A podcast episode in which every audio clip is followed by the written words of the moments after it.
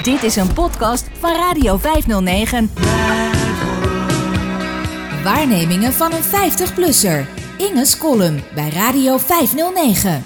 Valentijn. Morgen is het weer Valentijnsdag. Wekenlang al worden we lastiggevallen met dit rare fenomeen. De commercie roept ons op bloemen, kaartjes, chocola en andere blijken van affectie aan te schaffen voor onze al dan niet geheime liefde. Hoe lang is dat eigenlijk al aan de gang? Toen ik kind was, hoorde je nauwelijks iets over Valentijnsdag. Ik wist wel dat het bestond, maar het was iets Amerikaans of Anglo-Saxisch om precies te zijn. Er was een liedje Valentine's Day van ABC, een van mijn favoriete bands in mijn middelbare schooltijd. Ik vermoed dat het verschijnsel ergens eind jaren 80 begon wortel te schieten in Nederland. Toen ik studeerde, verraste een huisgenoot mij een keer op 14 februari met een bos bloemen, maar dat was vooral omdat ik had geklaagd nog nooit bloemen te hebben gekregen. Blijkbaar doen steeds meer mensen de laatste jaren mee aan deze opgelegde vorm van liefdesbetuiging. Anders zou de commercie er niet zoveel brood in zien. Het lijkt mij niet echt aantrekkelijk om een chocoladehart of in bossen rode rozen te krijgen op een daartoe aangewezen dag.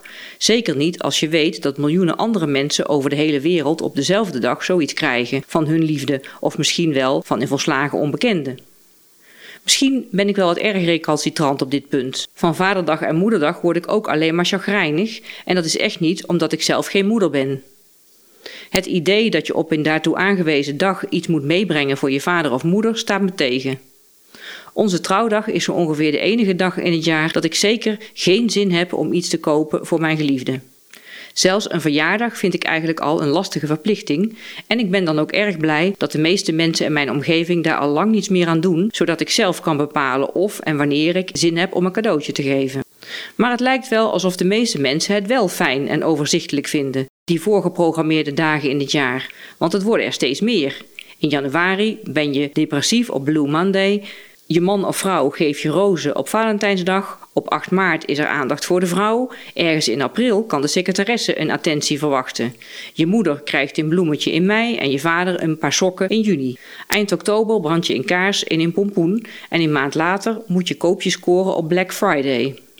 En een kalkoen eet je tegenwoordig niet alleen met kerst, maar dat kan ook eind november als het Thanksgiving is. Een truttig christelijk dankfeest overgewaaid uit Amerika.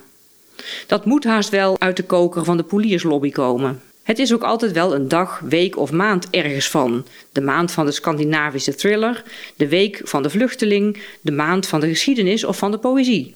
En natuurlijk de dag van de witte stok, de dag van het brailleschrift en de Europese dag voor mensen met een handicap. Je agenda loopt zomaar vol, zonder dat je er iets voor hoeft te doen. Ik heb er geen zin in. Ik bepaal liever zelf wie of wat mijn aandacht nodig heeft en wanneer dan wel. En ik heb mijn eigen kalender in mijn hoofd met memorabele data. 14 februari blijft wat mij betreft uitsluitend de geboorte- en sterfdag van de grote, onvervangbare en ongrijpbare Ischa Meijer. Ik mis hem nog altijd, juist op Valentijnsdag.